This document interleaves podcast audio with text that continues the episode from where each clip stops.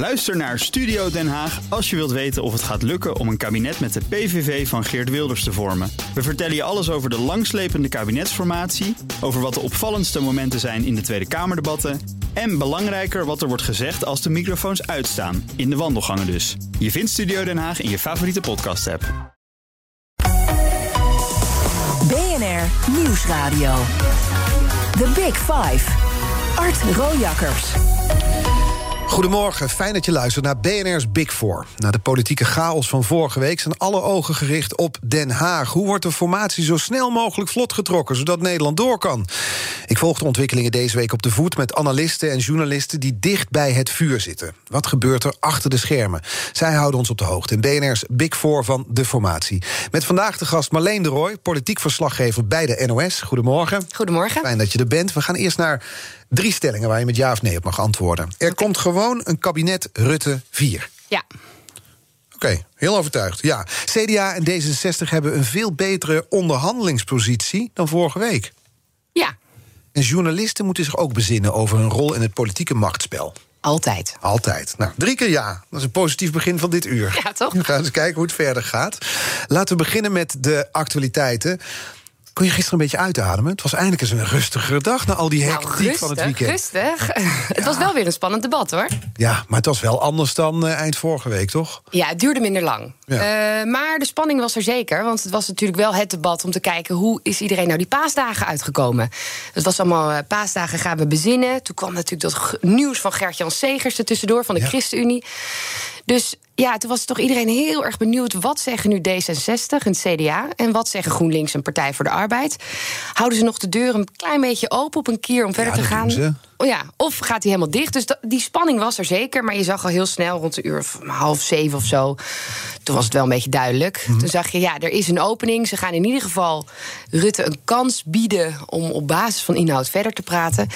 Ja, dat, uh, dus de dag was misschien minder lang, mm -hmm. maar niet minder spannend. Oké, okay. ik moest ook een beetje denken aan de komst van Sinterklaas. Dan zijn alle kinderen helemaal opgewonden. En dan uiteindelijk, als hij er is, dan komt er een soort rust in het land. Herman Tjenk Willink is er. Nu gaat het rustig worden. Maar hij blijft maar drie weken, is net als Sinterklaas. Ja, dus wat gebeurt er als hij weggaat? Ja. Ja. ja. Maar hij wordt dus de informateur, 79 jaar. Heeft volgens mij al 639 formaties meegemaakt. Is hij die stabiele en betrouwbare factor die, dit, die deze puinhoop gaat oplossen? Nou, dat denken de meeste partijen in ieder geval wel. Um, hij heeft iets uh, kleurloos. In de zin van dat het lijkt alsof hij geen politieke partij heeft aangehangen ooit. Um, en dat moet juist die rust brengen en het vertrouwen herstellen. Kijk, elk oud ander gediende, wat bijvoorbeeld VVD uh, prominente was geweest, dat had meteen argwaan uh, opgeroepen. En dat doet Cenk Willink niet. Dus wat dat betreft, ja. Uh, hij heeft zelf een week geleden bij Den Haag FM gezegd: als ze mij zouden vragen, als Rutte mij zou bellen, dan zou dat een keuze van armoede zijn. Oh. En maar leuk, later voor, is. leuk voor iemand van 79, ja. maar een keuze van armoede. Dat is dus misschien in die zin wel. Maar aan de andere kant, als ook GroenLinks, ook VVD, ook D66 allemaal zeggen: laten we nou, dan deze man luisteren. Mm -hmm. Die kan in ieder geval deze komende drie weken een beetje de gemoederen temperen. En dat is wat iedereen nodig vindt. Want we hebben net verkiezingen gehad. We zitten in een coronacrisis. Er moet een nieuw kabinet komen. Ja, maar we wilden ook snel formeren. Dat was het doel van iedereen. Die verkiezingen ja. en dan hup snel formeren, want er is nogal wat te doen. Ja. Nou, dat gaat niet meer lukken, denk ik. Nee, dat gaat niet lukken. En daarin zie je ook misschien dat Rutte door de hele te zeggen: het moet snel, moet snel, alsof het even zo handje-klap geregeld kan worden, uh, een beetje zijn hand overspeeld heeft. En dacht, ja, die snelheid heeft hem nu uiteindelijk geboemerangd. Uh, right back at him. Ja, en nu gaat het juist extra traag misschien wel. Ja, extra traag zeker weten. Zal dat uh, vertraging oplopen? Want dat is wel het gevolg van wat we allemaal hebben gezien de ja, afgelopen ja. week. Nee, nu begreep ik dat de aantekeningen vanaf nu dus ook openbaar worden. Ja, dat is het idee. Uh, het was voorheen niet zo. Nee, zeker niet. Alles wat daar binnen die deur gebeurde. Wij journalisten staan dan de hele dag voor die deur. Voor die deur te posten, te posten, te posten. Terwijl je eigenlijk weet, als ze naar buiten komen, geven ze een heel klein fladdertje. Maar je staat er op voor het moment dat ze naar buiten rennen in ruzie. Dat kan gebeuren, hè? Dat er één iemand woest naar buiten loopt. Ik ben het er niet mee eens dat moet je hebben. Ja. Dus dan sta je daar en, eh, te wachten. En dan weet je helemaal niet wat daar binnen besproken is. Je, je weet niet eens wat er op de agenda staat. Je hebt En dan sta je met te wachten bij die deur. Ja, dat is normaal. En nu, vanaf nu, wordt het wel anders. Want we krijgen alles te lezen en te zien. Dus je hoeft eigenlijk niet meer bij die deur te staan. Nee, wel. Ik denk dat dat we ook nog bij de deur moeten staan. Waarom? ja, ja, kijk, jij als kijker wil ook heel graag zien als iemand boos naar buiten stormt. Of als iemand zegt, nou, we hebben een toponderhandeling gehad. U hoort later meer van ons. Zo'n moment kan gewoon komen en eh, dat moeten we hebben. En is dat dan, we gaan zo weer terug naar het, het politieke spel... maar ik ben hier even benieuwd naar. Is dat dan een beetje strafcorvée? Zeggen ze dan, oké, nu ben jij in de beurt, Marleen? Nou, toen ik, ik moet zeggen, toen eh, ik vier jaar geleden bij de NOS kwam werken, toen wilde ik echt alle, al die diensten. Elke doen. deur staan. Nou, ik vond het echt super spannend. En dan kwamen ze naar binnen en dan achteraan rennen. En dan moest je het opletten van waar zijn ze. Je, je kan ook geen moment eh, je, je ogen niet op die deur houden. Maar eh, het duurt wel lang soms. Dat eh, kan ik niet eh, anders zeggen. Nee, Dus en op zich, betreft- het is ook niet de moeilijkste klus. Want je Nee, de deur gaat nee, open, dan moet je, ja, je moet ze in beeld hebben. Maar dat kan elke stagiair. Nee, klopt, helemaal gelijk. Sterker nog, ze hebben mij dat ooit als stagiair laten doen. En wat vond je ervan? Nou, de- ik weet nog, het was wel echt, dus in de prehistorie dit. Toen was een verslaggever van eh, toen nog Nova, inmiddels Nieuwsuur, die had straf. Dus die kreeg dit als opdracht. en toen nam hij mij mee als stagiair. Die zei op moment suprem dat je voelde, nou nu komt er iemand de deur uit. Zei hij tegen mij, ik ga even een visje halen op het plein, doe jij het even? Nou, ik weet nog, ik had vlekken in mijn nek van Ja. de stress. Terwijl, dan komt, en toen was het nog, wie was het? Kok volgens mij kwam naar buiten. Ja, je hoeft niks te doen. Nee, je hoeft niks te doen. Maar soms gebeurt iets heel groots op dat soort momenten, hè? Bij zo'n deur of zo. Dat kan. Ik bedoel, het is... eh, Wat dan? Ja, dat, dat inderdaad ruzies zijn. Dat GroenLinks vorige keer naar buiten liep. Nou, ik stond er wel bij. Zijn ze trots. is het nou, die, terug naar die aantekeningen, want daar hadden we het over. Is het dan bevorderlijk voor het proces? Ja, voor jou is het fijn, voor journalisten is het Ja. fijn. We weten wat er besproken wordt. Is dat voor partijen, voor het proces van zo'n formatie eigenlijk goed, denk je? Ja, dat is heel moeilijk in te schatten. Eh, er zijn ook heel veel analyses en columns die schrijven... dit, dit moet je helemaal niet zo doen. Want eh, ook binnen bedrijven werkt het gewoon anders... dat je achter gesloten deuren dingen afspreekt. Maar ik denk eh, met de situatie waar we nu zitten... waar zoveel wantrouwen is richting elkaar... men zo scherpe verwijten heeft over achterkamertjescultuur... dat het gewoon nodig is om dan maar even allemaal open kaart te spelen... van wat je eigenlijk Kan wil. even niet anders. Het kan even niet anders. En wie weet lukt het wel op deze manier. Maar laten we dan ook over open kaart spelen over hoe dingen tot stand komen, ook in de pers of in het NOS-journaal. Bijvoorbeeld Gert-Jan Segers, die geeft Ja. dan afgelopen paasweekend een interview aan de krant, het Nederlands Dagblad. Daarin zegt hij eigenlijk: Ik wil niet meer met Rutte, De krant van zijn achterban, hè? de krant van zijn achterban. Dan word jij daar naartoe gestuurd. Jij gaat hem dan ook interviewen. Nou, wij bellen hem natuurlijk. Wilt u dit ook op camera zeggen? Kunnen we u interviewen? We hebben nog meer vragen dan het enige wat in de. Weet je dan van tevoren wat hij gaat zeggen? Nee, geen idee. Nee. Nee, ik word naar zijn moeders huis gestuurd, want hij was paas aan het vieren bij zijn moeder thuis. Een hele aardige vrouw van 85, die mij buiten nog een kopje koffie gaf. En eh, in de tuin hebben we dan een interview. En eh, dan mag ik vragen wat ik wil. Ik had een interview van 10 minuten. Eh, en ik heb geen idee wat hij zei. Ik heb alleen de basis het eh, Nederlands Dagblad, waarin staat eh, wat zijn lijn is. Maar hoe hard hij zegt. En ja, ik had eigenlijk nog veel meer vragen. Van waarom had hij dat niet eerder al besloten? Waarom heeft hij niet die motie van wantrouwen gesteund? Nou, dat soort dingen kan je allemaal je ei kwijt. Of bijvoorbeeld de vraag: ja, wat doet u met al die stemmers van de VVD? Die bijna 2 miljoen stemmers die u nu uitsluit. Eh, en ja, dat, daar heb je dan de mogelijkheid toe om dat eh, uitgebreid aan hem te vragen. Ja, en dan zijn die tien minuten zitten erop. En dan, dan heeft Segers wat hij wilde. Namelijk, hij heeft het in de krant gezegd. En dan komt het ook in het NOS-journaal de boodschap... Gert-Jan Segers wil Rutte niet meer. Ja, dan is het duidelijk. Ja. Ja. En hoe ga jij dan terug naar de redactie? Denk je, wat, is, wat, wat heb ik nu gehaald? Ehm, nou, ik denk vooral over wat zijn de consequenties van wat hij heeft gezegd. Want volgens mij is dat onze taak. Om eh, te duiden wat hij zegt. Kijk, hij zegt: ik, sta, ik ben de voorman van een kleine fractie. En ik ehm, eh, kies het beleid wat past bij onze fractie. Eh, en ja, wat dat verder doet met de VVD of zo, dat is niet aan ons. En het is volgens mij de taak van de journalist om dan te duiden en na te denken over: oké, hij heeft het dus gezegd. En nu? Hebben, ik heb de SGP gebeld, het CDA, rondgebeld bij allemaal spindoktoren. Wat betekent dit nou eigenlijk? Betekent dit dat andere partijen hetzelfde gaan doen? Of betekent het juist dat andere partijen zeggen: ho, ho, ChristenUnie, zo ver willen wij niet gaan? Want er moet wel een kabinet En komen. wat betekent het?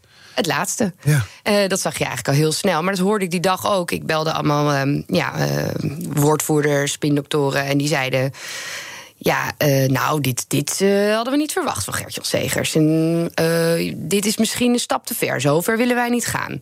Dus dan kom je daar heel erg achter. En volgens mij moet je dat de kijker vertellen als journalist. En is het dan heel cynisch gedacht... dat bespraken we gisteren ook met Jack de Vries, spindokter, Mhm. CDA, dat het misschien ook makkelijk praten was voor Gert-Jan Segers, omdat hij toch niet zo'n trek had om weer met D66 in zee te gaan. Nou, ik. Mijn mening is dat eh Segers dit heeft gedaan uit een eh, gevoel.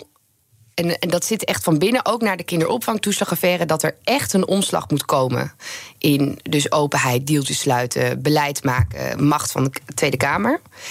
En hij vond en dacht nadat de kinderopvangtoeslagaffaire eh, zulke grote consequenties had dat Rutte een andere koers wilde varen. Maar dat het nu weer is gebleken: oh, maar Rutte doet dat helemaal niet in de praktijk. En dat hij daarom afstand heeft genomen van Rutte. Dat hij zegt: maar nu kan niet verder. Want ik heb heel veel gesprekken ook met de ChristenUnie-fractie. naar aanleiding van de kinderopvangtoeslagaffaire. En zij, eh, dit raakt hun best wel diep. Eh, nou, best wel kan ik weglaten. Dit raakt hun diep. Dat, dat, dat durf ik wel echt te zeggen. Dus zij willen daar gewoon afstand van nemen. Ze zeggen we moeten anders omgaan met mensen, anders omgaan met democratie en eh, gewoon dingen openlijk regelen. Ja, en dat, maar dat, dat, dat inzicht komt dan blijkbaar als hij bij zijn moeder in de tuin zit, of tenminste ten- opzichte van jou dan, en ook bij de krant, maar nog niet in de Kamer, in zo'n debat. Nee, want dag ervoor. hun analyse is: als wij toen die motie van wantrouwen hadden gesteund. Dan hadden we het hele kabinet, wat er, demissionaire kabinet wat er nu nog zit, opgeblazen. Dan hadden we Carola Schout als vicepremier moeten terugtrekken. Dan hadden we eigenlijk Slob als minister van Dat Onderwijs. ging ook weer te ver. En dan zitten we nu nog wel in een crisis en misschien duurt die formatie wel een jaar. En dan hebben we de, Een jaar? Ja, we weten, we, we weten het niet. Ah, nee, ik gok wel op een jaar hoor. Echt waar? Ja. Een jaar formeren. ja, ik durf het bijna niet te zeggen. Maar ik weet het ook niet, hè. Ik, Nou ja, je weet wel meer dan wij. We gaan er straks, we gaan Ik kan straks niet de proberen. toekomst we gaan, Nee, dat snap ik, maar wel iets beter dan ik, hoop ik. Dus we gaan er straks aan het einde van het uur nog meer proberen te doen. BNR Nieuwsradio. The Big Five. Art Rojakkers. Ja, deze week vijf kopstukken uit de wereld van de formatie. Dat zeg ik vijf. Vier natuurlijk na die paasmaandag. Vandaag de gast Marleen de Rooij, politiek verslaggever bij de NOS. Ja, Marleen, om kwart over tien, dat is dus nu... begint het debat over het Kamervoorzitterschap. Dus ik ben sowieso vereerd dat jij nu hier bent... en niet daar ergens rondzwerft. Het gaat tussen Martin Bosma van de PVV... Vera Bergkamp, D66... en Khadija Ariep, de huidige Kamervoorzitter. Ja, toch een voorspelling dan. Wie Moet gaat het worden? Ja, nou, ik, eh, eh, ik. het is spannend, hè? Ja, oké, Vera Bergkamp? Oké. Ja. Ja, D66 dus. Ja, D66. En Ariep niet meer. Nee. Want? Ehm, Wat, wat gebeurt er dan achter de schermen? Jij, jij hoort meer dan wij. Wat, wat hoor je? Nou, kijk, dit, deze Kamervoorzitterschap is echt een politieke eh, functie. Hè? Dus eh, dit is. Eh, wie, is, wie stemt, het moet natuurlijk een, eh, een goed gedegen iemand zijn. Ze zeggen allemaal het is een vrije kwestie, dus je hoeft niet per fractie te stemmen. Maar in de praktijk is dat toch een beetje zo. Eh, dus daarom wordt het ook wel spannend of het echt D66 Vera Bergkamp wordt. Want wat gaat de VVD doen? Als de VVD nou nog heel boos is over wat er afgelopen week is gebeurd op de D66. En eigenlijk wil zeggen tegen D66... we willen helemaal niet met jullie samenwerken... en we zullen jullie poepie laten ruiken... dan gaan ze zo meteen voor iemand anders stemmen. Maar als ze denken, ja, de gemoederen zijn nu een beetje wat kalmer... en we willen eigenlijk ook wel gewoon met jullie verder praten... ja, dan, dan zeggen ze, nou weet je, dan gunnen we D66 de voorzitter. En dan gunnen we die de voorzitter. Waarom? Eh, het is een hele belangrijke functie. Ehm, en Wat ja, willen ze ervoor terug? Nou, niks. Dan zeggen ze vast een soort van... zie je, wij, wij, wij we denken met elkaar verder te kunnen. Ze hoeven niet per se wat voor terug, maar... ehm, we gaan niet dwarsbomen als jullie iets willen. Want we weten ook dat we straks samen... eh, misschien een regeerakkoord moeten gaan sluiten. Er was het gedoe over Rutte en Kaag. Die zouden het Ja. al over gehad hebben. Daar was Geert Wilders heel boos om. Er zouden afspraken zijn gemaakt. De VVD stemt voor eh, Vera Bergkamp van D66 als Kamervoorzitter.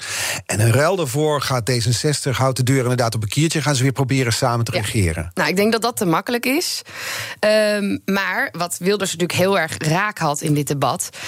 was, we hebben het over transparantie... en hè, er moet niet even achterom even wat met wat belletjes, wat dingetjes geregeld worden... zoals een andere functie voor Pieter Omzicht of andere dingen. En wat gebeurt er op dit debat? Ja, dan gaat het ineens over... ehm Sigrid Kaag en Mark Rutte, die elkaar blijkbaar maandag wel even gesproken hebben. En en passant wel is genoemd. Oh, trouwens, wij hebben wel een voorzitter. Vera Bergkamp functie elders. Ja, ik wil het alleen even noemen, maar zij gaat zich indienen als kandidaat. Ja. Ja, uh, Sigrid Kaag zegt ervan... we hebben dat echt niet gevraagd om een soort advies van uh, VVD... Uh, vraag even iedereen, alle VVD'ers, te stemmen op Mhm. deze vrouw. maar dat het genoemd is, ja, daar had Wilders natuurlijk raken. Soms worden er in de politiek dingetjes besproken, telefoontjes gepleegd. Ja, en dan denk ik dus, en net zoals veel kiezers waarschijnlijk... je hoort het, het nieuw leiderschap en het moet transparant zijn... een nieuwe politiek. Maar eigenlijk is dit gewoon cadeautje hier, afspraakje daar, oude politiek. Uh, nou, als er in dat gesprek zou zijn gezegd van kun je op haar stemmen, uh, dan ben ik het met je eens. Maar dat is, ze zeggen beide dat dat helemaal niet uh, in vragen was. Dat het een persoonlijk gesprek was om te vragen hoe ja. gaat het nu na deze hele toestand. Ja. ja. Dus en, en die, die, die, die omslag van oude naar nieuwe politiek. Ja. Heb jij ook het idee dat dat gaande is? Zitten we in een omslagfase of is dat vooral voor de bühne? Mm, het denken over is er vol gestart. de praktijk heb ik nog niet echt gezien. Maar uh, dat er uh, een soort van uh, wil is. Om het anders te doen? Om het anders te doen bij heel veel verschillende partijen. En ook bij een partij als de VVD. Dat merk je wel. Want als je ook kijkt naar het verkiezingsprogramma. Het is echt een ander verkiezingsprogramma was het van de VVD dan vier jaar geleden. Dus er is een soort omschakeling. Um, en ook als je kijkt naar alle dingen zoals. Um, ik weet niet of je nog kan herinneren. De vrouw van de bijstandsmoeder. Die tegenover Mark Rutte stond? Nee, de bijstandsmoeder die die boodschappen uh, had gedaan voor haar dochter en het moest terugbetalen ja, voor de gemeente. Er was ja, heel veel zeker. opheffen over. Precies. Maar dat, dat soort dingen uh, laat wel zien dat de wetten in Nederland soms heel zwart-wit zijn. En dat er geen grijs gebied is voor een ambtenaar om bijvoorbeeld te zeggen: Nou, als ik u naar uw verhaal luister, dan moeten we het anders doen. Mm -hmm. Of dan moet ik een uitzondering maken. Dat kan niet. Het is heel zwart-wit uh, in Nederland op dit moment. En je merkt bij alle partijen, of het nou VVD of het nou CDA zijn, iedereen wil dat oplossen. Dus wil dat daar een soort van. Ja, dat, dat er weer luisterend oor is van de overheid naar de mensen toe.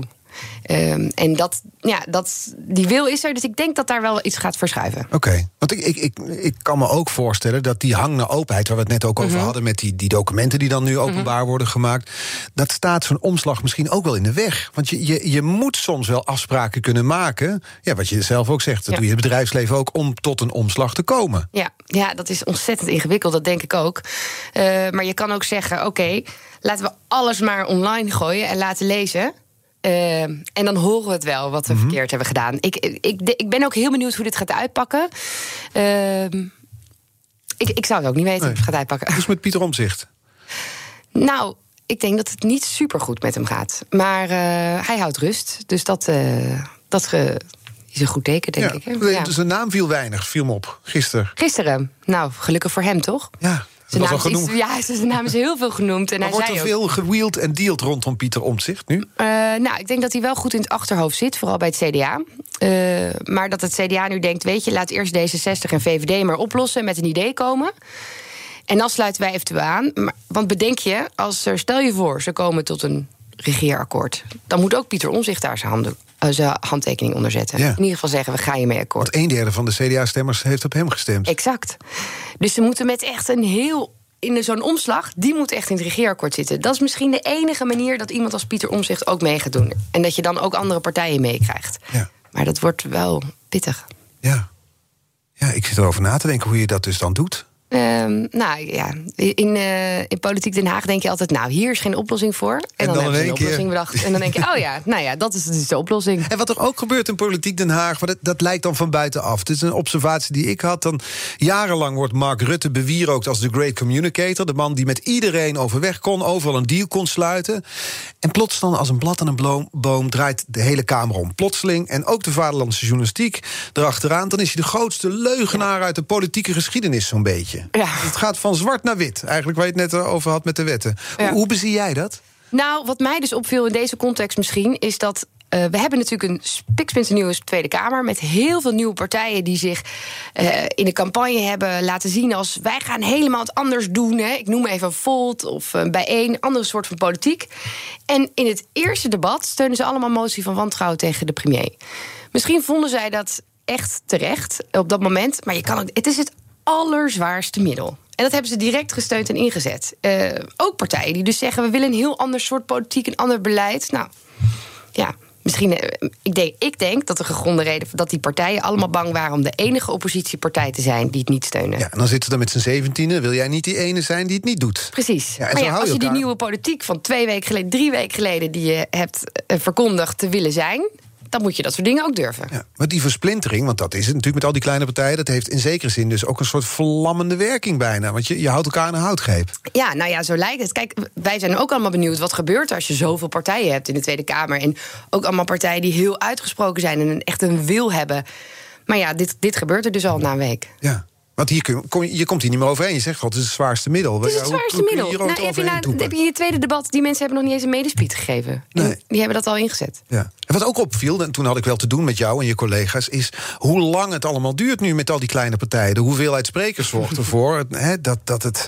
Ja, iedereen moet er natuurlijk zijn plasje even over doen. Dus het, het duurt Ja. eindeloos een debat. Ja, ehm, nou, op zich is dat niet eh, heel slecht. En eh, als de spreektijden niet al te lang zijn, dan, eh, dan valt het mee. Maar je hebt wel gelijk. sommige debatten, zoals die donderdagavond, dat duurde heel lang. Maar die was ook wel heel spannend. Ik denk dat ook heel veel mensen die niet aan het werk waren, thuis hebben gekeken. Ja, veel slaapgebrek was er volgens mij dan die dag bij veel mensen. Ja, en dan heb je de vrijdagochtend, wil iedereen ook gewoon weer het nieuws weten. Ja. En dus eh, dan moet je gewoon door. Ja. En toch zit je nog fris bij je. Terwijl je dus is, geeft het ook energie, zo- zo'n week? Ja, natuurlijk. Ja. ja, het geeft zeker energie. Want het is. eh, het gaat ook echt over iets. Hè? Ik bedoel, we hebben het nu over de, achter deuren staan en dat is spannend. Maar het gaat natuurlijk wel over hoe ons land bestuurd wordt. En door wie. En of wij echt in een. Het, dit weekend, of wat was het, donderdag, vrijdag, zaterdag, had je toch een beetje zo'n gevoel van: gaat het wel goed? Waar gaat het naartoe? Eh, dat is bij mij nu iets minder geworden. Het is nog niet weg, maar. ehm, en, en dat heeft toch. Gaat het wel goed? Waar gaat het naartoe? Wat bedoelde je daarmee? Ehm, ik bedoel daarmee, we zitten echt in de coronacrisis. Alle ondernemingen zijn dicht. De terrassen zijn de dicht. Er zijn allemaal mensen die zitten thuis te werken en werkloos. En ondertussen in Den Haag is het een puinhoop. Eh, en we hebben net verkiezingen gehad. Eh, ja, waar, waar gaat het naartoe in de zin van hoe gaat dit land bestuurd worden? Vaccinaties hebben we het nog niet eens over gehad. Hoe eh, moet- de vaccinaties moeten geregeld worden. Allemaal mensen zitten te wachten op een vaccin. En ondertussen ja, is er een chaos gaande in, eh, in het bestuur. Dus de mensen die het moeten gaan regelen uiteindelijk. Ja, maar toch, nu ga ik hem heel even naar jou terugplaatsen dan. Want al die onderwerpen die jij noemt... hoorde ik niet vanuit vragen van journalisten aan politi- Mm. politici gesteld worden. Het ging alleen maar over omzicht en over een papiertje van Ollongren... Ja. en over Mark Rutte die een leugenaar op is in plaats van een great communicator. Maar je hoort het misschien wel in de duiding over wat er gebeurde. Dus je hoort het misschien niet aan de vragen. Want kijk, eh, nu is het de tijd volgens mij. Op zo'n moment als er een crisis is, wil je weten hoe kunnen we uit deze crisis komen of hoe is de crisis ontstaan. Dus dan zijn dat de vragen aan de politici. Eh, en daarna kan je zeggen: oké, we hebben nu Pasen gehad. Ondertussen, jongens, we zitten eh, met een hele grote crisis. en vaccinaties die niet opschieten.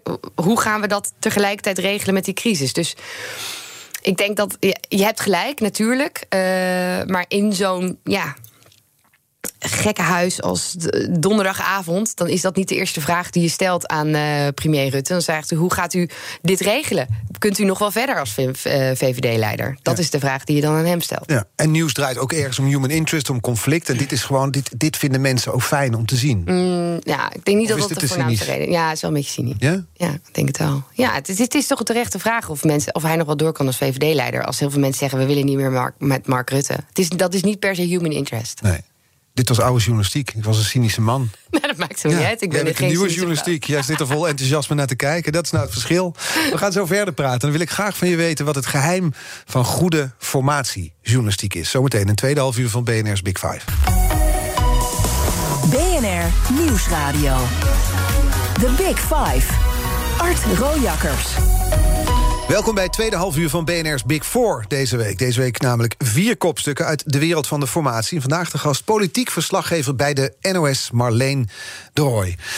We gaan nog even terug naar vorige week, Marleen. Vorige week eh, donderdag, want het was, kan ik me voorstellen... misschien wel de meest bizarre dag uit jouw carrière als politiek verslaggever. Je loopt al wat jaren mee, maar dit was er een. Ja, deze gaat zeker de geschiedenisboeken in, ja. Ja, en dat eh, zeiden ook de mensen die al twintig jaar op Binnenhof rondlopen, collega's van mij. Maar eh, dit is er eentje om nooit te vergeten. Dat merkte je alleen al bijvoorbeeld aan dat beeld wat je misschien nog weet van Mark Rutte, die echt. Ja, ik stond erbij, maar het was echt chaos met al die journalisten die er omheen stonden toen hij die deur uitkwam. Eh, ik weet dat nog, dat weten veel mensen nog. Je hebt de dames namelijk zelfs tot Lucky TV ja, geweldig. Hoogtepunt. Het is een groot hoogtepunt in jouw carrière. Laten we heel even luisteren. Ja, en dit is hem dan. De deur van wat nu nog de minister-president is. Want ja, wat een verhaal. Kijk eens even. Wat een hoop kopietjes. Het lijkt Watergate wel. Wel, en ja, dit is echt de natte droom van elke journalist. En ja, dit heb ik in al mijn maanden bij de NOS nog nooit meegemaakt. En ja, je ziet het ook, moet je eens kijken. Al die journalisten, ja, die vinden het superleuk natuurlijk. Want ja, iedereen vraagt zich natuurlijk af, ja, wat is hier gebeurd? En nou ja, dat willen wij natuurlijk ook weten. Ik zal eens even kijken of er al... Nee, hij is nog steeds binnen, achter die deur. Ja, foto's worden er ja, van die deur dan maar gemaakt. En ja, als je weer even terug naar mij wilt uh, met de camera... want het gaat natuurlijk even... Hm? Wat? Oh, ik hoor dat... Uh, dat oh, daar komt hij. Meneer Rutte. En hierna zien we jou dus nog in een hele meute journalisten achter ja. Rutte aanrennen... terwijl je roept NOS, Marleen de Roy. Ja. ja, deze was wel heel goed, hè? Yes. Ja, ik vond hem steen goed. Maar, uh, maar wat, wat ik dus wilde zeggen, dan sta je daar en het was echt, nou, een gekke huis. Maar daarna zeiden ook collega's van mij die al twintig jaar daar werken... ja, de laatste keer dat Rutte echt zo belaagd is door journalisten... was uh, toen uh, de coalitie met VVD, CDA en PVV viel... en Wilders was weggelopen. Mm -hmm. Dus het geeft een beetje aan de sfeer die er heerste. De, het gevoel ook Kun je die sfeer eens omschrijven? Hoe, hoe, hoe probeer je het in woorden te vangen? Nou, uh, meestal op een dag als je in Den Haag rondloopt... dan weet je een beetje, nou, je moet daar naartoe, je moet daar naartoe. Daarna begint het debat. En dan ben je bij de inloop en dan kan je daarna het debat gaan volgen. Deze dag was totaal ongewis. Je begon, uh, iedereen was overal, dus je bent gewoon letterlijk op zoek met je camera. Waar is Hoekstra, waar is Rutte? Niet te vinden, niet te bereiken, ook de PA's en de woordvoerders niet. Um, vervolgens wordt het debat ieder half uur of uur uitgesteld naar een uur later. Dat is voor de NOS sowieso altijd al best ingewikkeld, omdat we dan het live willen uitzenden op Nederland 1. Dus dan ja, zit je met een gat van, dan krijg je opeens een half uur van tevoren. Oh, het debat wordt nog een uurtje uitgesteld. Nog een keer Nederland in beweging starten mensen. Dus dat is altijd al wel even stress. En vervolgens weet je dus ook niet waar zijn die mensen. En dan loop je bijvoorbeeld even richting de kantine omdat je daar op zoek gaat. En dan zie je daar opeens Hoekstra lopen. En dan uh, zie je opeens Kaag ergens uit een andere deur komen. Dus die chaos hangt er. En dat zorgt voor een bepaalde opwinding natuurlijk ook. Dat je voelt aan je wateren. Er gaat hier iets groots gebeuren. En ook dat het debat zo vaak verschoven wordt. Je voelt, oké, er, er is zoveel onduidelijk nu. Er zijn nu zoveel uh, losse elementen dat het alle kanten op kan gaan. Uh, dat ook partijen niet weten wat hun insteek wordt. Kijk, normaal lopen ze naar binnen, zeggen ze iets tegen de pers. Soms willen ze een beetje de, uh, hun kernboodschap kwijt. Dus dat ze zeggen, nou, ik ga er niet te veel over zeggen, maar en dan zeggen ze één zinnetje. Uh, dan denk je, dat wordt het. Ja, en dan denk je, oké, okay, dat is dus, de, dat is dus hun, hun inzet voor dit debat. Maar nu, ze wilden ook helemaal niks zeggen. Ik, ik dacht ook, ze hebben zelf ook geen idee waar deze dag naartoe gaat en hoe die gaat eindigen. En dat merkte je bij iedereen. Iedereen die je sprak zei, ja, ik weet ook niet wat er vandaag allemaal gaat gebeuren. Dus het klinkt bijna, als je het zo omschrijft, alsof er een stuk rood vlees tussen de wilde dieren werd geworpen. Uh, nou, ik, ik denk dat ik het beter kan omschrijven alsof de onderkant van de Tweede Kamer de hele tijd heen en weer gaat. Dus dat iedereen een beetje staat te shaken van wat gebeurt er, wat gebeurt er. En niemand precies weet wat gebeurt. op de grondvesten. Ja, dat was het eigenlijk een beetje. Oh, ja. En dan, dan wordt ook alles daarin wordt nieuwswaardig. Uh, uh, want er was bijvoorbeeld een belangrijk moment. Er werden broodjes geserveerd bij de Kamer van de VVD. Daar vertelde je over in de vlog Rondje Binnenhof. Ik kan me alle luisteraars aanraden. Die maak ik samen met Sander van der Wulp en Herman van der Zand. Ja. Laten we heel even luisteren. dat zijn wel hoogtepunten. Nou, voor Surinaams broodje krijg je mij wel weg, hoor. Rutte heeft van net een Surinaams broodje gehad. Ja, dat heb ik dus in het journaal zitten vertellen. Omdat ik gewoon niks te vertellen had. Omdat ik al de hele tijd bij die dichte deur stond. Ik denk dat we toch nog eventjes geduld moeten hebben. Er is net een zak Surinaamse broodjes naar binnen uh, gegaan. maar dit willen de mensen weten. Ja, het voelt later op de live-blog het helemaal uit de hand gelopen. Ja, je lacht erom. Maar Herman van der Zand zegt daar tegen jou... dit willen de mensen weten. En het was ook zo, hè? Ja, en er werd, kijk, we maakten dus live televisie de hele tijd... tot dat debat zou beginnen. Dus dan, dan wordt er gewoon heel vaak naar je geschakeld. En uh, ja, je staat de met diezelfde journalisten. En zodra die deur open gaat of dicht, dan zit iedereen te kijken. Wat zien we? We zien een bellende Rutte. En wat zien we? Oh, Surinaamse broodjes, Surinaamse broodjes. Iedereen was erover aan het praten. Ja. Toen, ja, toen dacht ik, nou, dan vertel ik dat. Ja. Dat is, neem ik aan, voor een verslaggever. Je zei dat is een, uh, het schut op zo'n grondvesten. Ja. Dat gebouw, dat is dus een, een Ook een mooie dag om mee te maken, toch, als journalist? Ja, als journalist ben je wel blij dat je die dag niet ziek bent. Nee, precies. N- normaal is formatiejournalistiek een stuk saaier, denk ik. Eh, nee, maar niet minder interessant, denk ik. Eh, want eh, je kan, als er eenmaal partijen serieus met elkaar aan het spreken zijn... en je goed naar ze luistert en goed hun partijprogramma's leest... al een beetje, als je, dus het een hele moeilijke puzzel... maar een beetje zien welke kant het op gaat. En dan wordt het echt op inhoud uitdagend. Dus dan heeft het niet meer te maken met Surinaamse broodjes... maar eh, met eh, eh, veel geduld en veel lezen. Ja, en dat gaafwerk, daar komen we zo over te spreken. Want jij wist zo'n aantal mooie primeurs naar boven te halen bij de vorige verkiezingen. Maar, maar eerst nog naar, naar deze verkiezingen. Ik was eigenlijk benieuwd, wat doe je eigenlijk als je niet bij zo'n deur staat? Zit je dan de te bellen met allemaal spindokters of, of Tweede Kamerleden of oeh, eh, heel veel spitwerk? Nou, eh, een, paar van, een aantal van mijn collega's zaten op de redactie al die stukken te lezen. Want ondertussen waren dus die 37 bijlagen, wat in totaal iets van 130 pagina's van aantekeningen van alle gesprekken was, door te lezen. Zij zetten dan op de mail wat ze allemaal hebben gevonden. Want daar heb je dan geen tijd voor. Dan zit je bij je telefoon een beetje te kijken. Ik had het wel geprint, maar niet alle 140 pagina's. Eh, dus dat doet een deel. Eh, en een ander deel, kijk, bij de NOS is het ook heel veel verslag doen eh, live op tv. Dus het betekent shots draaien, kijken wie je voor de camera kan krijgen. Ehm, dus dat is ook heel erg nadenken van, oké, voor het acht uur journaal moeten we daar nog een, een, een shot van een printer, van een klok. Dat soort dingen moet je ook nog even tussendoor aan denken. Dus ja, dat is een Het is gewoon die uitzendingen die moeten dus gevuld worden. Ik, ik vroeg het ook omdat gisteren Jack de Vries te gast was. Mhm. eh, CDA kopstuk. Eh, en onze gasten stellen elkaar hier een kettingvraag. Hij Hm. had deze vraag voor jou. Ja, de, de, rol van de media is natuurlijk ook een, eh, een, een belangrijke in de, in de politiek en in de stabiliteit eh, van het land. Eh, je speelt daar zelf als parlementair verslaggever een belangrijke rol in. Je loopt ook al lang mee, ooit ook nog Elsevier 2010. Eh, wat heb jij daarin zien veranderen en welke opdracht zie je daarin voor jezelf? Met name voor de publieke omroep. Juist in een tijd waar ja, fact-checking, eh, eh, eh, fake news eh, steeds meer aan de orde is. En we steeds meer zien dat, dat mensen in complotten gaan geloven. Nou, journalisten hebben daar een belangrijke uitdaging en taak in om eraan bij te dragen om, om dat te voorkomen. Hoe zie jij die rol voor jezelf? Zat jij in 2010 al bij Elsevier? Ja, stagiair. Oh, wauw. Bij Marieke Stellinga. Wat een geheugen heeft die man dan. Nou, LinkedIn, denk ik. Oh, dat is het.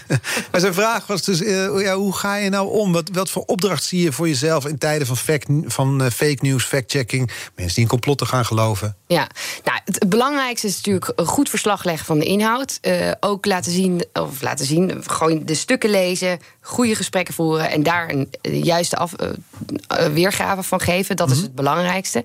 Maar daarnaast denk ik dat transparantie, waar we het eerder al even over hadden, ook belangrijk is voor journalisten. Omdat ehm, toch heel vaak soort van een suggestie hangt van hoe kan het nou dat ze dat interview daar heeft? Hoe is dat nou tot stand gekomen?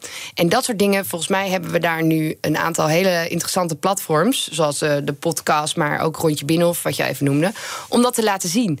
En om te laten zien eh, en een kijkje achter de schermen te geven. Want hoe ging het bijvoorbeeld, je, je noemde nu iets, Rutte op de fiets. Dat was Ja. ook zo'n moment. Dat is een goed Na voorbeeld. Gert-Jan Segers kwam in één keer overal in het beeld, zag Rutte met die muts op, op zijn fiets door Ja. Den Haag eh, rijden. Ja, dus ik kwam bij de moeder van Gert-Jan Segers vandaan. Toen hebben we daar allemaal mensen nog gebeld. En aan het einde van de dag, dus waaronder de VVD... om te vragen, wat ga je nou doen met Mark Rutte? En aan het einde van de dag, rond een uurtje of nou, half vijf... kregen we een appje, eh, kwart voor zes, Indische vrouwtjes. Nou, Lijkt wie is de mol wel? ja, ja. Wij googlen Indische vrouwtjes, Indische vrouwtjes. Ik had twee Indische tantes gevonden, ergens in Den Haag, een standbeeld. Dus wij er naartoe met de camera.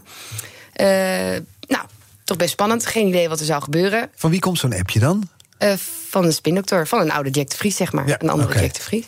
En ehm, die stuurt dan, oké, kom maar aan. Dus wij stonden met de ploeg. Ja, moet je op een statief draaien, dus op zo'n standaard... of moet je er los? Ik weet het niet. Komt hij lopend? Komt hij met de auto? Komt hij op de fiets? Nee, ja hoor, daar kwam hij in één keer aan fietsen.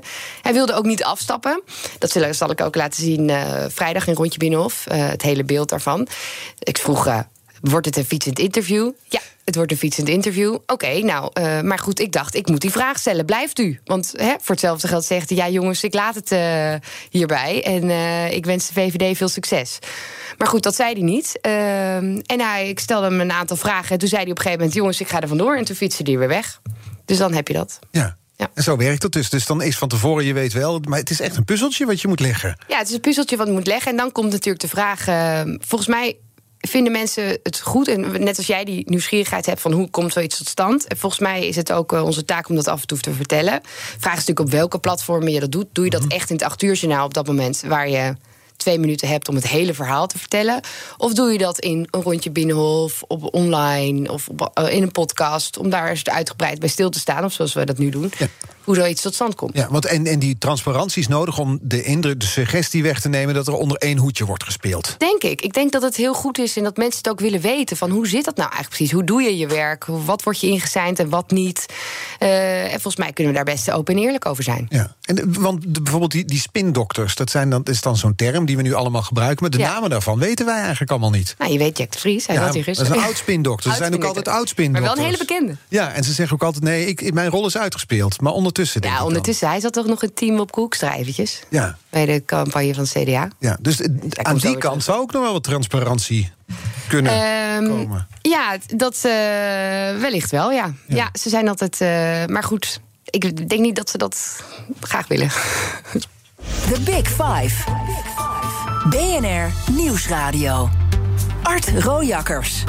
Je luistert naar BNR's Big Five van de formatie. Big Four moet ik zeggen. Ja, het is zo'n ingesleten titel. Vandaag de gast Marleen de Roy, politiek verslaggever bij de NOS. In het laatste blok wil ik graag proberen een tijdreis met je te maken, Marleen. We gaan eerst naar het verleden en dan daarna naar de toekomst. Maar we kijken eerst naar die verkiezingen in 2017. Toen ging jij vanuit een bedrijfseconomische achtergrond... eh, werd je actief in Den Haag. Vanuit dat oogpunt keek je ook naar de formatie... en het leverde best wel wat primeurs op. Ja, ja ik, was, eh, ik begon als eh, radioverslaggever. En ehm, ik kwam van de economieredactie en ik kwam vers vlak voor de verkiezingen aan. Dus heb toen ook heel veel eh, formatieverslaggeving gedaan. Dus eh, ben ik meegegaan met een aantal Kamerleden die met een bootje gingen varen of eh worstenbroodjes gingen uitdelen op het station. Eh, en daarna was het stil op een gegeven moment. Toen ehm, ChristenUnie, CDA, D66 en de VVD bij elkaar zaten. En toen dacht ik, ja, ik ben nu degene die de portefeuille financiën heeft. eh, eigenlijk alle belastingmaatregelen moet snappen. En ik kwam van de economieredactie. Dus ik dacht, laat ik me daarin helemaal verdiepen. En goed luisteren. Alle partijen zeggen, we willen een lastenverlichting voor het middeninkomen. Dus eh, voor ons, zeg maar. En voor, alle, voor de meerderheid van Nederlanders. Dacht ik, laat ik eens proberen te snappen hoe ze dat zouden kunnen gaan doen. En toen heb ik eh, verdiept eh, in allemaal stukken, opties die zijn geschreven door ambtenaren, maar ook met heel veel hoogleraren gesproken. Van wat zijn nou eigenlijk de opties? En eigenlijk waren er maar twee opties. eh, waarvan eentje eh, uiteindelijk technisch gezien door alle hoogleraren werd gezegd: die kan eigenlijk niet in de uitvoering. Eh, en de optie die overbleef was een twee-schrijven-systeem, wat nu we uiteindelijk hebben gekregen. En toen had ik het eigenlijk helemaal rond. Eh, ehm, de hele puzzel. Ik heb er wel echt eh, lang over gedaan hoor. Zes, zes weken of zo, denk ik, uiteindelijk de hele zomer. Codekraker was het. Ja, maar dat was echt leuk om te doen. Dat was nou echt leuk. Eh, want ja, je zit, je zit er heet het dichtbij. En dat valt me ook op in Den Haag. Hoe meer je weet, hoe meer mensen je willen vertellen. En vooral misschien op financieel gebied. Kijk, als ik gewoon naar jou toe loop en zeg... vertel mij eens iets spannends. Dan zeg je, ja, whatever. veel, ja. Maar als ik al iets heel spannends van jou weet... en ik wil alleen nog de details... dan ga je die details dan wel vertellen. Dan denk je, oh, dat is wel leuk dat ze dat helemaal heeft uitgevonden. Of, oh, of nou ja, of gewoon omdat je dat, dat, dat wil vertellen... de- mij die puzzel wil helpen leggen. Of omdat je het wil uitleggen in het belang van de goede zaak... dat de NOS het ook op de juiste manier snapt waar ze mee bezig zijn. En op Dus die jij manier... haalde zo van alles naar boven. Je kraakte die code. Je kwam erachter, er komt die, die lastenverlichting, zoals dat dan heet. gaan ze op een bepaalde manier vormgeven. En toen had je dat eigenlijk, je had dat verhaal. Maar dan, dan moet het nog gebracht worden. Ja, en daar werd het wel lastig. En daar werd het, was het ook helemaal nieuw voor mij eigenlijk. Ik had zelfs op een gegeven moment iemand die had mij als eh, onderdelen van het regeerakkoord laten lezen, waarin dit helemaal stond. Dus die had nog even de puntjes van de I. Die zei: Kijk, oh, zo, dit, is de laatste procenten. eh, moet je zo en zo lezen. Dat ging dan over de BTW-verlaging. Ehm, en ehm, verhoging moet ik zeggen. Maar toen, toen moest het gebracht worden en in het NOS-journaal. Dus ik had het voor online geschreven, voor de radio, voor tv. Maar dan komen dus die spindoktoren weer om de hoek. En die hadden er lucht van gekregen. Want op het laatst ga je toch zeggen... nou, wij gaan dit zo meteen brengen in het journaal. En, ehm, nou, en toen werd iedereen en alles van stal gehaald. Ehm, collega's van mij, zoals Ron Vrezen, Dominique van der Heijden... werden geappt door politici van... eh, er vliegt een grote kanaar over het Binnenhof. Jullie gaan helemaal de mist in. En jij net nieuw Ik in net Den nieuw. Haag ik denkt, denk, wat gebeurt me oh, nou? Wat gebeurt me nou? En eh, de druk was enorm. Maar mijn collega's stonden volledig achter mij. Die zeiden, nee, je hebt gewoon goed research gedaan. We gaan het gewoon zo brengen. Het was natuurlijk daardoor liep het even een dag vertraging op. En er was heel veel spanning. Ik bedoel, ik heb een nacht niet geslapen nadat we het gebracht hadden. Want toen we het gebracht hadden, zei iedereen: ze zitten helemaal fout. Dus collega's van BNR belden dan de spindoktoren van VVD: klopt het wat de NOS zegt? Gaat er een twee-schrijvensysteem komen? Wat gebeurt er met de BTW? Nee, de NOS zit helemaal verkeerd. Dus ik heb die hele nacht niet geslapen. Dat hele weekend was een drama. Ik heb dat helemaal zo, oh nee, oh nee, wat is er gebeurd? Maar het stond er toch, ik snapte er niks meer van. En wat bleek nou? Twee weken later was de presentatie van het regeerakkoord. En het was, klopte gewoon helemaal. Maar zij wilden dit, uh, hun nieuwe regering, een regeerakkoord presenteren met een groot cadeau voor de middeninkomens. En dat cadeau had je al weggegeven. En dat had ik al weggegeven. Wat een goed journalistiek werk. Ja, dat, ja, maar dat vond ik verschrikkelijk toen hoor. Dat, die hele druk. En ik dacht, oh, waar hebben we mee te maken? Uh, maar ja, zo uh, gaat dat dan. Hoe ga je dat deze keer doen? Ja, dan gaan we iets nieuws bedenken. Ja, maar weer alles zo uitpluizen. Dat, ja. Want dat is, het is eigenlijk gewoon ik kan me voorstellen, we hadden het over die deur, maar dit is wel. Ja, hier breng je iets mee teweeg. Ja, en dat is ook echt leuk. En de combinatie van beide is ook heel erg leuk. Hè? Dus uh, ik, ik bedoel, als ik de hele dag. Ik kan niet de hele dag achter een computer zitten. Dat, daar ben ik het type niet voor. Dus dan zoek je weer een deur op om bij te gaan staan. Nou, nee, maar dat vind ik, ik vind de interviews doen ook heel erg leuk. Oké. dus ik sta bij die deur om uiteindelijk een soort van super interview te doen. Al weet ik, dit wordt misschien niet het moment. Uh, maar wie weet. Wie weet, ja. Je moet ja. optimistisch blijven. Laten ja. we vanuit dat optimisme ook eens kijken probeer een klein blikje in de toekomst te werpen. Want met jouw kennisogen eens kijken hoe dit nu verder gaat met die uh, formatie. Het meest logisch te vormen kabinet wordt nu door veel mensen gezegd: VVD, CDA, D66, PvdA, GroenLinks. Ja. Klopt dat? Eens. Oké. Okay. Ja. Kan bijna niet anders ook, toch? Nou, je zou nog een jaar 21 kunnen. Maar dat denk ik niet dat D66 dat wil. Ik denk dat ze dat. Ja, ik denk dat ze ook niet meer dat hele spel van we gaan eerst met ja 21 een beetje dat dat minder is geworden. is nu voorbij. Na afgelopen weekend. Ik denk dat ze nu wel serieus gaan zeggen. Ja, en wat we weten van GroenLinks is dat GroenLinks wil graag. Mm -hmm. PvdA ook. Die hebben nu een paar jaar oppositie gehad en dat heeft nog niet heel veel vruchten afgeworpen. Dus ze denken dan als we veel kunnen binnenslepen in een nieuw regeerakkoord, wat op onze agenda staat eigenlijk, dat het misschien uh, de manier is om weer ons ja, groot te maken. Ja. En kan het dan zo zijn dat vorige week stond het er anders voor, toen, toen hè, voordat dit allemaal losbarstte, kan het zo zijn dat D66 en CDA nu na vorige week Rutte zo klem hebben dat ze een veel betere onderhandelingspositie hebben, dat ze nu veel meer gedaan kunnen krijgen? Ja, dat denk ik zeker wel. Dat, dat is wel het probleem voor de VVD aan zich. Dat ze nu door het vasthouden aan Mark Rutte, moet de partij zich, weet je wel, ja, uh, heeft, moet wel wat inleveren als ze willen gaan samenwerken. En dat merkte je gisteren al direct. Want uh, Mark Rutte begon in het debat gisteren. En die zei direct: ja, ik wil voordat we met de dit gesprek met de informateur, Tjink Willink, moet gaan over één ding: de bestuurscultuur. Hoe we omgaan met coalitieakkoorden, met transparantie. En hij omarmde echt die agenda van normaal Pieter Omzicht en mm -hmm. van Kaag ook, die dat wil. Zoals hij dat kan. Ja, en, en met heel veel passie. En hij somde het allemaal op wat er ander moest. En daar moest het gesprek nu over gaan. Ja. Uh, dus ja, dat is bijvoorbeeld al iets wat niet heel hoog op de VVD-agenda stond. Nee. Of in de verkiezingsprogramma's. En, en, nu plotseling wel. En ook door vasthouden aan Mark Rutte... zou je kunnen zeggen dat op de inhoud... dus uh, D66 en CDA nou ja, meer gedaan zullen kunnen krijgen. Ook PvdA en GroenLinks. Ze wordt een links kabinet. Ja, en dan heb je het CDA nog. Ja. Dat, die zullen dan ook nog wel iets uh, proberen tegen te hangen. Ja. Uh, dus dat wordt de vraag in hoeverre het CDA daarin meegaat. Want Wopke Hoekstra, ja, er stond al iets in die aantekeningen over zijn onderhandelingsstijl. Dat is niet zo handig, volgens mij. Uh, nou, gewoon hij had de kaart tegen zijn borst. Hij ja. zei gewoon eigenlijk bijna niks dan... wij zijn niet aan zet, wij zijn Mhm. niet aan zet, wij zijn niet aan zet. En verder op de inhoud, dan komen we later wel. Het CDA is natuurlijk helemaal gewend aan dit soort processen. Die weten als geen ander hoe het werkt. Ja. Uh, dus te veel. Formatiepartij bij uitstek hoor je dan altijd. Ja, dat denk ik zeker. Ja. Ja. Ervaringen in de dop. Ja, nou wil ik je toch even terughalen naar iets wat je zei... dat dit wel een jaar kan duren. Ja, ja ik weet het ook niet, hè. Nee, snap ik. Maar, Maar- goed, je weet wel meer dan ik. Ja. Want ik had dus eigenlijk opgeschreven... ik zal je mijn vraag voorlezen. Hoe lang gaat het duren? Hebben we voor de zomer een nieuw kabinet? Voor de zomer? Nee.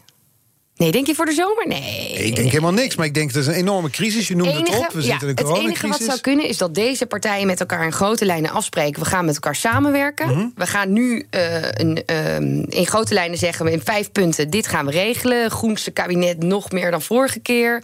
Ik noem maar wat. Hè. Ehm, eh, belastingverlaging, eh, BTW op groente en fruit moet naar beneden. Dat soort dingen schrijven ze op. En dan gaan ze meteen zeggen ze: oké, maar voordat we dit helemaal aftimmeren, gaan we nu verder.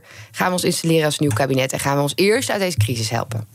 Dat zou kunnen. Oké. En, en moet er tijd overheen gaan, denk je, voordat je Rutte weer als premier zo ergens kan neerzetten? Voordat wij, wij ook als electoraat dat pikken? Ik denk dat dat sneller gaat dan je denkt. Want we hadden de kinderopvangtoeslag. Toen is het kabinet gevallen. Ik heb die week heel veel eh, verslag daarvan gedaan. En toen was het ook. Ik zat ook een keer bij op één. En toen was het. Nou, dit, weet je wel, dit, eh, Rutte kan niet door. En Asscher is meteen weggegaan. Nou, Zit er nog steeds? Zit er nog steeds. En hebben we het er veel over gehad in de verkiezingen? Bijna niet. Het is er bijna niet over gegaan. Dus wat dat betreft, ja.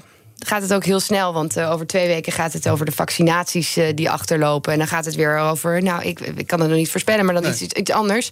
Rustig ga je het niet krijgen in ieder geval de komende weken, maanden. Nou, ik hoop dat op een gegeven moment wel. Ja, ik hoop het ook voor je. Je mag een kettingvraag stellen aan mijn gast van morgen. Dat is eh, oud-spindokter, daar heb je er weer een, een oud-spindokter. En schrijver van het boek De Zijkant van de Macht, Julia Wouters. Eh, je kent haar, neem ik aan? Ja. Wat zou je haar willen vragen? Nou, ik heb twee vragen. Eh, nee, het is er één. Het is een kettingvraag. maar dan eentje voor haar en eentje dan voor. Nou, oké, oké, doe Oké, me heel doe snel. maar, doe maar. Ehm, Oké, Julia Wouters, hoe kijkt zij naar het vertrek van Lodewijk Asscher... gezien het helemaal niet gegaan is over de kinderopvangtoeslagaffaire in de verkiezingen? Had hij niet gewoon moeten blijven? Oké, één. En, Plus, en? wil ze niet zelf de politiek in? Oeh, en waarom vraag je dat? I don't know. Je mag vragen wat ik nee, nee, nee, ja, je twinkelt erbij. dus dan heb je iets gehoord. Jij weet Nee, ik, iets. nee, nee, nee, echt niet. Je bent gewoon benieuwd. Ik ben benieuwd. Zou ze geschikt zijn ervoor, denk je? Ik denk het wel.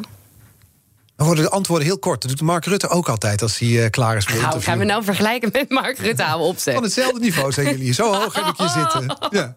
Dankjewel dat je wilde komen vandaag op deze ongetwijfeld weer nieuwsrijke dag in Den Haag. Marleen de Rooij, NOS-verslaggever in Den Haag. We gaan je volgen de komende tijd en eh, dank voor je verslag.